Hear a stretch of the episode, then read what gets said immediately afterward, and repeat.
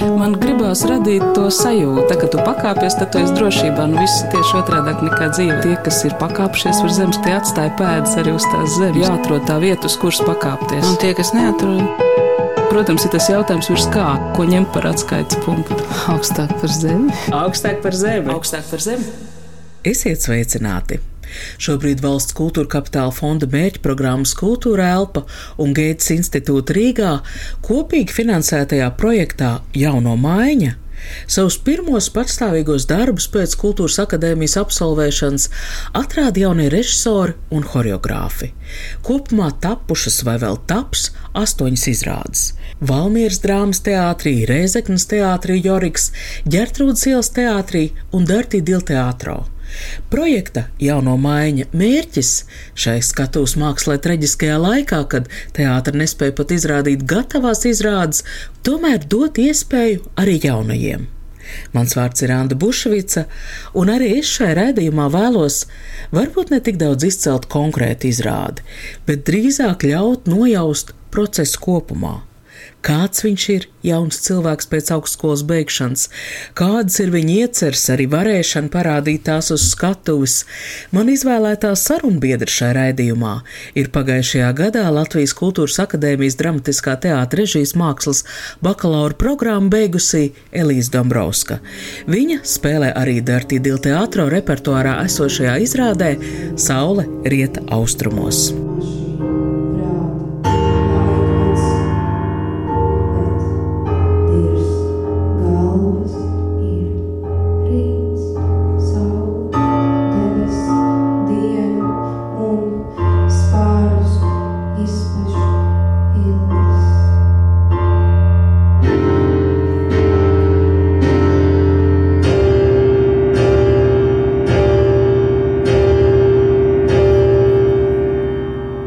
Jūs esat trīs jaunie režisori, kas strādājuši pie šīs izrādes. Jā, divi vismaz, jā. Mārtiņš Gūtmans, Elza Marta Rūža. Elza ir dramaturģe. Nu jā, tās lomas īsti nebija vairs tik svarīgas, kurš tur varbūt ir režisors. Labi, skaidrs, es biju aktrise un mūzikas autore, jo Platons arī pievienojās tikai vēlāk, un tad mēs kopā vēl veidojām sanāk šo mūziku. Bet tā bija tāda, nu, kursa biedru padarīšana. Mm, diezgan varbūt, jā. Jo mēs kursā ļoti daudz taisījām darbus kopā. Un patiesībā viss mācību periods, četri gadi, bija tāds, ka mēs viens otru aicinām uz izrādēm, spēlēt un, un režisējam. Cik jūs bijāt eh, nu, šajā kursā? Tur bija tikai režisori, jeb kā mēdz būt mm -hmm. vairākas plūsmas. Šis bija jā, tāds tīrais režisoru kurs. Sākumā mēs bijām 11, tad 13 palikām tā interesanti. Nevis palikāt, bet izaugāt. Izaugām 13, jā. Parasti tā tur tā atkrīt, bet mēs visi tādi stipri viss stiprs kursiņš bijām. Dērtie Dilteātro repertuārā ir arī, piemēram, Klau Kristap Košina izrāda Konklaus. Brīnišķīgi, drosmīgi izrāda, kurā režisors, viņš arī savus izrādes aktieris un dramaturgiskā materiāla līdzautors, atstāst personīgu nesenu pieredzi nonākšanu likuma uzraudzībā. Un arī šī izrāda ļauj ieskatīties Latvijas Kultūras akadēmijas studiju procesu virtuvē. Klaus Kristaps Košins kā reiz bija viens no jaunpienācējiem pircējiem. Jo tas eh, pats lielais projekts, jauno maiņa, Jā. nu, es zinu, ka parasti, tad, kad aktieri beidz kursus, tad kursā ir kaut kāda šī ļoti īpašā enerģija. Jūs jau minējāt, ka studiju laikā tiek spēlēts setīts dažādi mm. mācību darbi, un tad, lai kaut uz īsu brīdi, kaut šo vienā diploma darbā saglabātu šo enerģiju, aktieru kursus iestudē vienu kopīgo izrādi. Bet režisori, režisori jau, man liekas, tā profesijas būtība ir tas, ka tu esi viens. Nē, to mums Māra Čimela, mūsu dārgā, mīļā kursa vadītāja, jau no paša sākuma teica, ka turieties kopā. Turieties kopā un nesiet konkurenti, un šo sistēmu Latvijai vairs tā galīgi nedara. Nu, ir nepieciešams tiešām turēties kopā, ne ceļš teātrī, tādā instancē, kas ir kolektīva māksla. Tas ir, es pilnībā to saprotu. Es pat arī kā režisore, vai ne, darbojoties, jūtu to, ka nu, tas ir tiešām. Nu, man patīk strādāt kopā ar cilvēkiem, jo tas nozīmē to, ka es izkāpu no savas kastītes, kuras esmu mājās tur sadomājusi, bet tad tu sāc sarunu ar cilvēku, saproti, ka oh, ir vispār kalnam otrā pusē tu redzēt citu kalnu, nevis kā, tikai nogāzi vai kaut nu, ko tas iedomājies pats savā galviņā.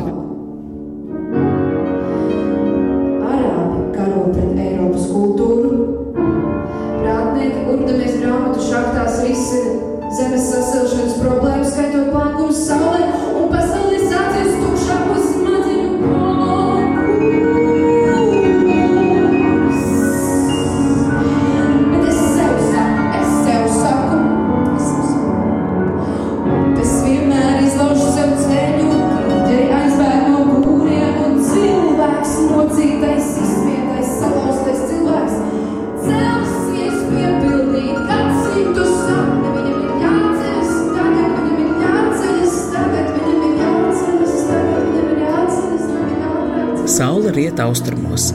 Izrāde, kurā ir baltas sienas, gandrīz tukša skatuve, uz tās divi taustiņa instrumenti un divas darbojošās personas.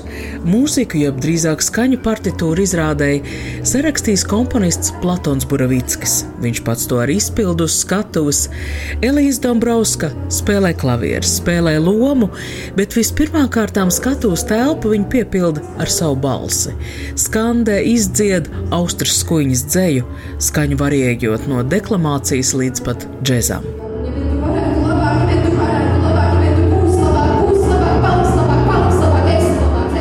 Jūs pirms tam bijāt Austrijas skuiņas dzēju lasījis? Mazu lietu, mazu lietu. Nu, protams, dziesmas. No nu, Austrijas skuiņas dzēja patiešām ļoti daudz gan dziedāta, gan skandēta.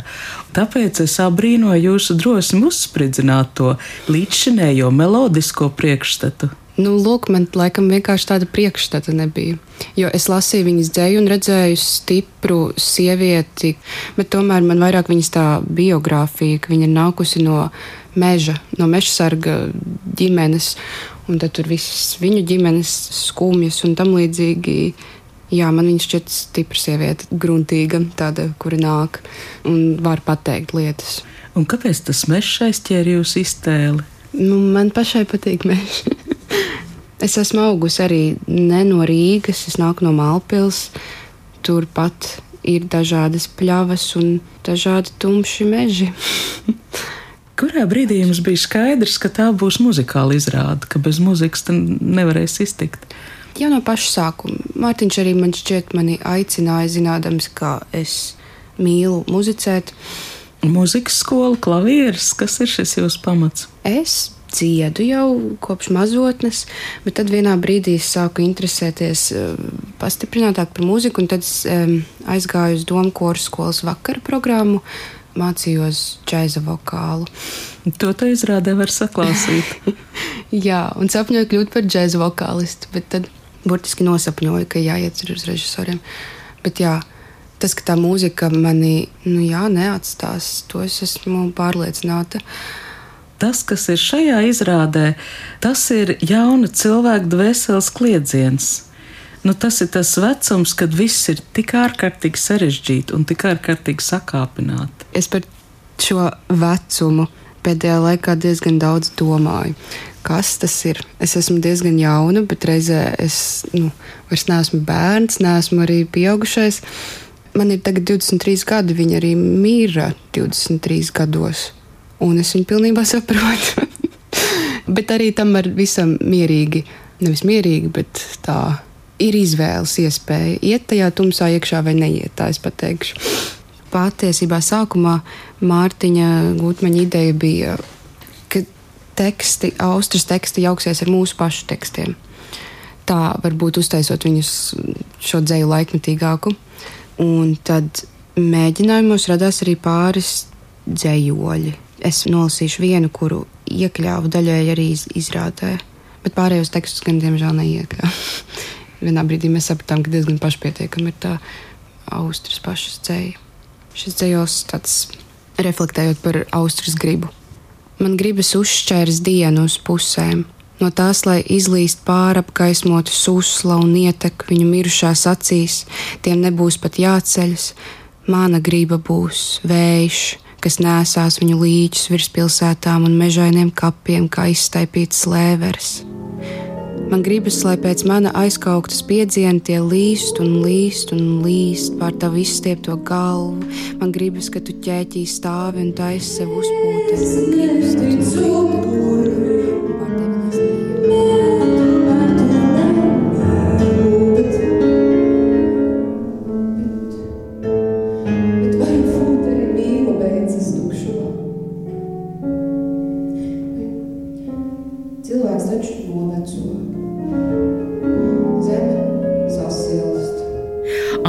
Luīze, skatītāja. Dīvaina sajūta pēc izrādes, tad laime varētu teikt, šoks varbūt tā kaut kā.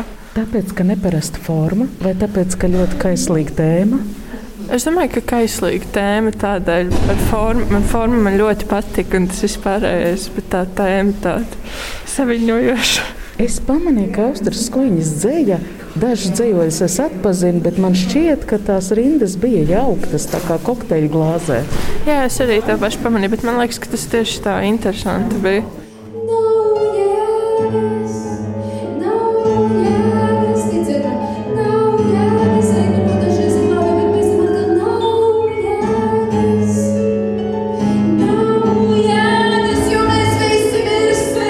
teātra kritiķis Atis Rozentāls. To skatīties ir ļoti interesanti. Tā pašā laikā es kā skatītājs visu laiku tā drusku mūsu par to balansu starp to apzinātu pārspīlējumu un kurā brīdī tas ir nopietni, kurā brīdī tas iet uz tādu, jau iedodot sākumā kodu ar to, ka Platonam Buravickam ir uh, ārprātīgi gara šlepa frakai. Tā ir tāda groteska it kā. Tās izpausmes brīžiem ir dramatiski sakāpināts. Brīžiem atkal tas iet uz tādu kā komisku pārspīlējumu. Un tad tu tajā savā krāslā sēdi un visu laiku šūpojies tādās šūpolēs.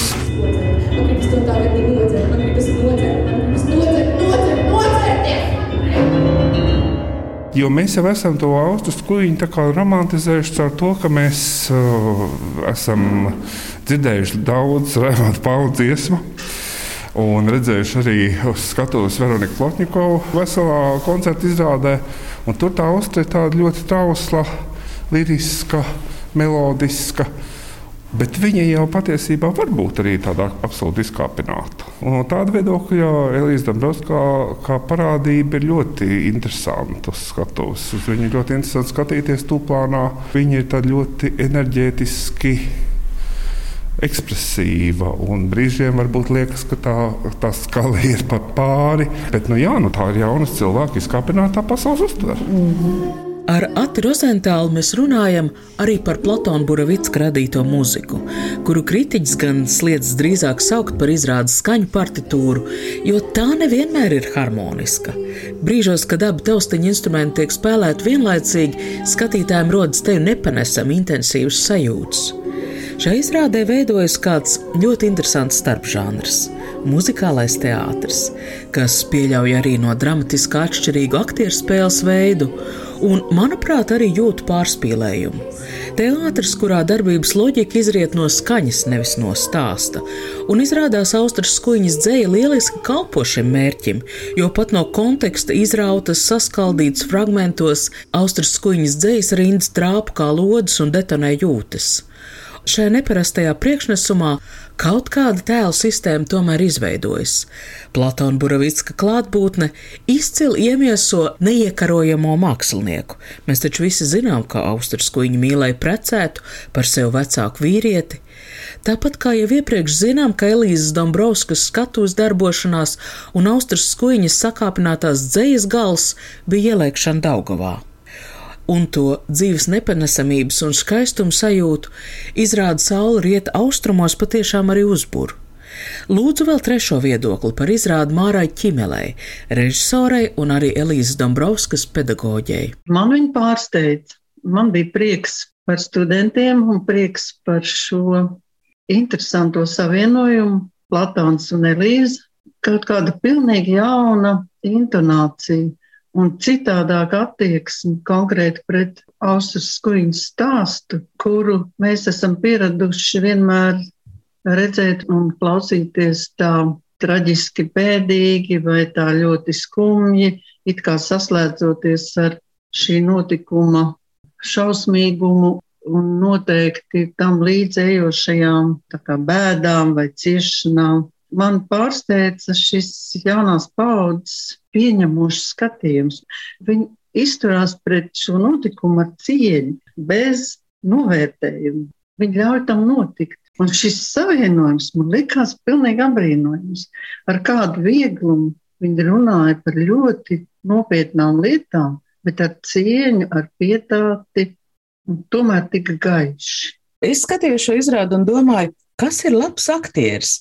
Jo izrādās, ka Platons Buravīts, kurš tā tad nav aktieris, varbūt nu, kolosāls aktieris, kurš tiešām izcili izjūt mirkļa teatralitāti, kurš spēj skaniski reaģēt. Un Elīze Dombrovska jau arī nav aktrise, nu viņa ir režisore. Jā. Jūs droši vien spēsiet vairāk man to paskaidrot.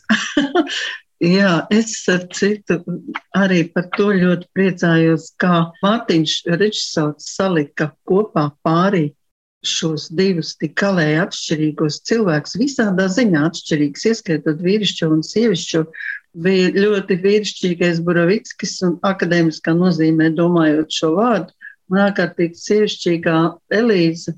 Un šis savienojums arī deva kaut ko ļoti neatkārtojamu, jo viņiem bija apbrīnojama vienotība gan tāda jušanas ziņā, partnerības ziņā, gan arī muzikalitātē.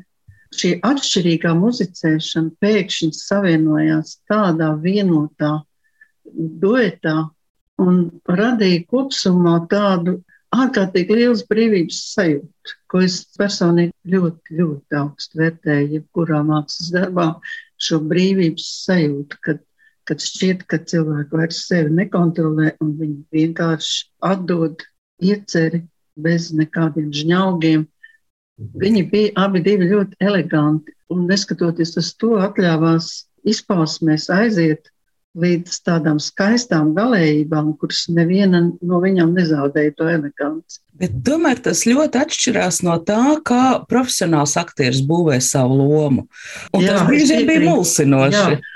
Tas noteikti ir mulsinoši, un es pieļauju, ka tas var arī neapmierināt un, un nepatikt, jo tu tā kā nesaņem to, nu, uz ko tu esi sagatavojies. Bet es atceros, ka man pašai palika kā novērtējumā viens vārds, ko es arī domāju, ka tas ir ļoti svarīgi, tāds vienlaicīgums. Elīze spēja vienlaicīgi būt gan austrē, gan arī ne, gan pati, gan šodien, gan to dienu Un tas vienlaicīgums, tas man, es pilnīgi, es pat pierakstīju, atceros tajā dienā, kad es skatījos savā kalendārī to vārdu vienlaicīgums, ka tas man šķita kā tāda nopietna vērtība.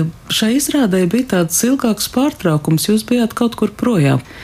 Es e, tagad pēc studijām esmu paņēmusi Erasmus absolvēšanas periodu un bāzējos Vīnē man galvenais bija vienkārši izbraukt no valsts un paskatīties, kas notiek ārpus mūsu robežām. Un tas ir tas, ko es tur ieguvu. Jo tagad, piemēram, atbraucot uz Latviju, man ir sajūta, ka viss ir iespējams. Nu, ko jūs tur ieraudzījāt tādu, nu, kas paplašina tās robežas? Man vienkārši šķiet, tas ir ļoti svarīgi, jā, izbraukt uz ārvalstīm, jo tur ir vienkārši vēriens, mazliet lielāks, šķiet mm, ļoti, ļoti daudz dažādu mākslas notikumu, ļoti bagātīgi. Mans mīļākais mākslas notikums gan bija dabas vēstures muzeja apmeklējums, kas ir liela, liela brīnišķīga ēka ar vienu no lielākajām kristālu un akmeņu kolekcijām Eiropā. Man liekas, pašu lielāko. Tā man, jā, kā saka, norāva jumtu. Vienkārši skaties uz tiem akmeņiem un iežiem, un ka viņiem nevajag ēst. Viņi ir tādas būtnes. Kad es biju Vīnē, es ļoti, ļoti daudz arī rakstīju. Režisēt tur neko nevaru, aktierēties, daudzīties arī nevaru. Tad kaut kur tas viss ir jāizliek. Es rakstu patiesībā jau no kādiem. Nu, tad, kad sākās visas tās pusauģu lietas, tās astotā klase, kad tas saskaries ar to eksistenci, un kad arī varbūt jāsāk to visu pierakstīt un izlikt, un tās emocijas sakoncentrēt vienā tajā teikumā, tas man liekas ļoti, ļoti pašpalīdzoši. Tas ir nu, tā būtiski jūsu dzīvē? Diezgan, jā. Man šķiet, dzēja vispār ir viens no intīmākajiem mākslas paveidiem. Tāpēc es rakstu diezgan daudz, bet sev. Bet es zinu, ka nu, arī tāda dalīšanās ir vispār ļoti svarīga šīs pasaules, vai ne? Varbūt es varu kaut ko padalīties ar no tiem laikiem. Nepabeigt dzējols mierinājums. Arī putniem vējā misējas spārni, arī mēnesim šķeļas nakts. Arī viļņi ir lēni, un vējam nav virziena. Arī jūrai runājot putas uz lūpām, saule laiž gāzes, un debesis skrāpē lidmašīnas, un mākoņi nosvīst no telpas. Krāsām naktī nav nozīmes, arī koki pieaug viens otram par tuvu, kamēr zemē vēl tukšas vietas. Arī saulriet mēdz būt neglīti. Kā jūs zinat, ka ir nepabeigts? Es jūtu, ka te vajag vēl. Esiet sveicināti raidījumā Volņēņie. Šis ir teātrā performatīvs. Tev arī skan? Jā, No kādas ir? nu viļņošanās. Mēs stipri viļņojamies.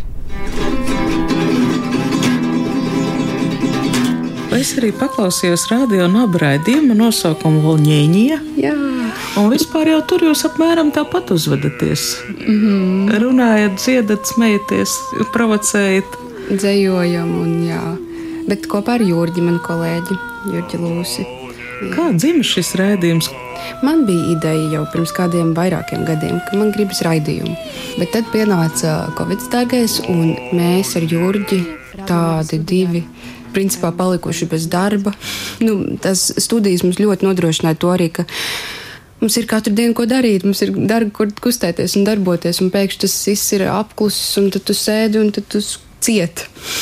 Un tad mēs sapratām, ka nu, patiesībā ir iespēja, ir iespēja mums pašiem sākt meklēt un eksperimentēt audio, jo Jurģis arī nāk no mūzikas vides, mums tādā ziņā skaņu iztēle kaut kādā veidā sakrīt.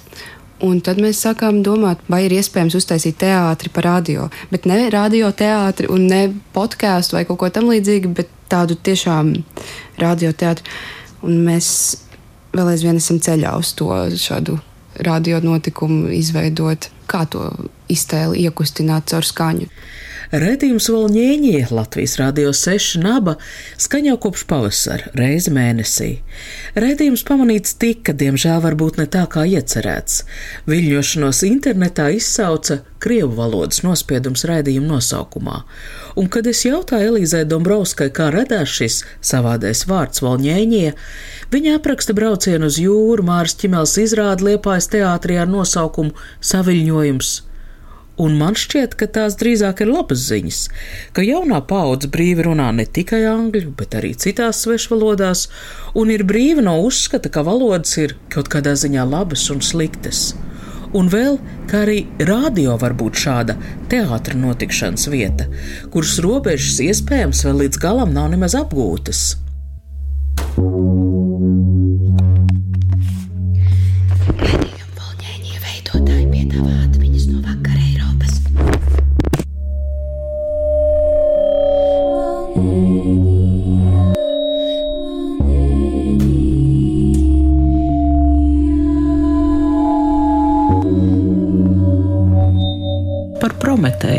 Jā, lūdzu.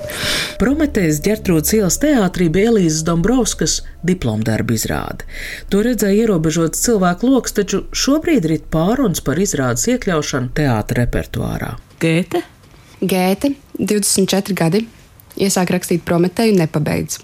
Lai gan pēc tam viņš arī uzrakstīja mazu poēmu par šo ugunszakšanu un tā.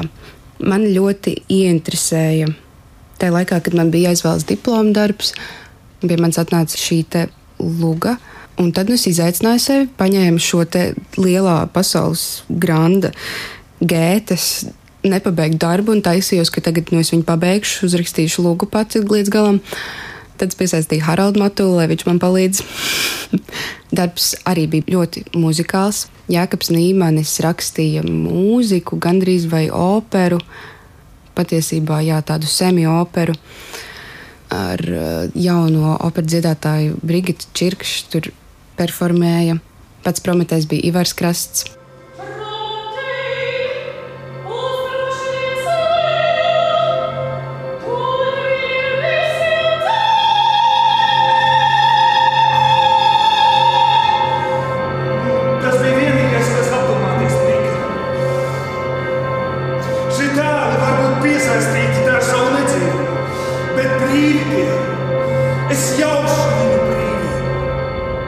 Man izrādās, kur jūs neesat redzējis sakarā, interesē jūsu attiecības ar klasiku.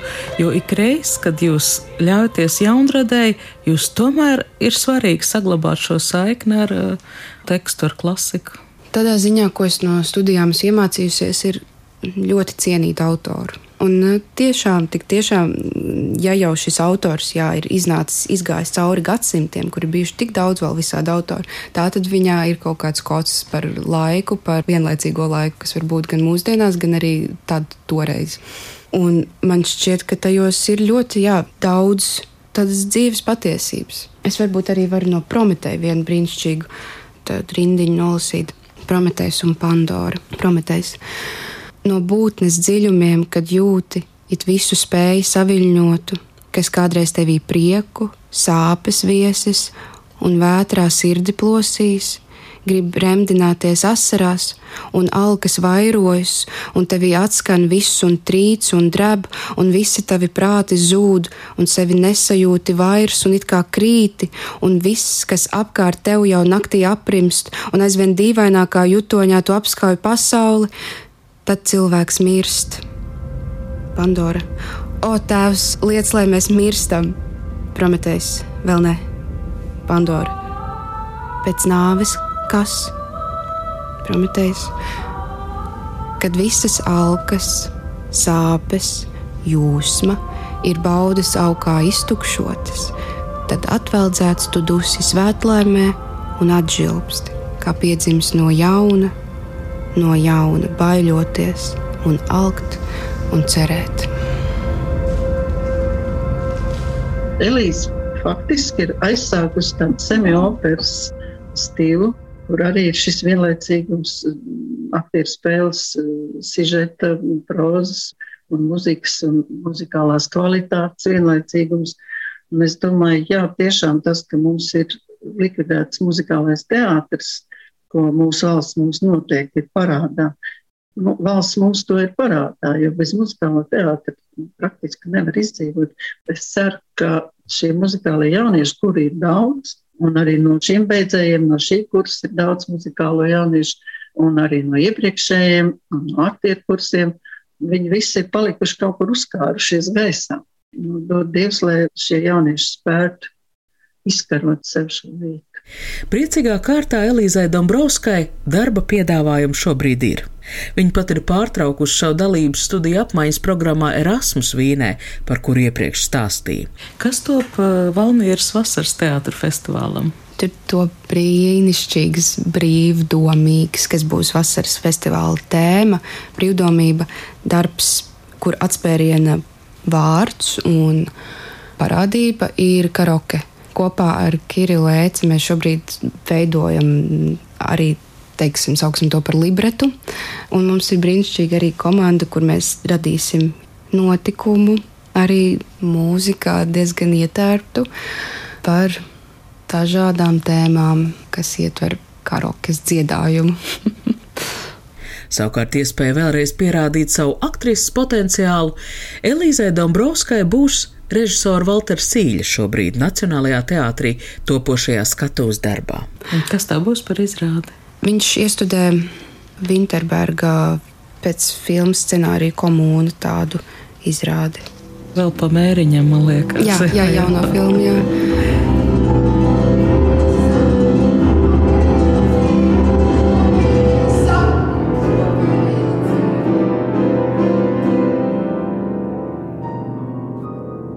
Ar jauno režisoru Elīzu Dombrovsku tikās Anna Bušvica, šī raidījuma skaņoperators Valdis Raitums. tā, kad tu pakāpies, tad tu esi drošībā. Nu, viss ir tieši otrādi nekā dzīve. Tas ir tā spēle, jā? Tie, kas ir pakāpšies uz zemes, tie atstāja pēdas arī uz tās zemes. Protams, ir tas jautājums, ko ņemt par atskaites punktu. Nē, nu, principā ir skaidrs, augstāk par zemi. Jāatrod tā vieta, uz kuras pakāpties. Augstāk par zemi. Augstāk par zemi. Augstāk par zemi.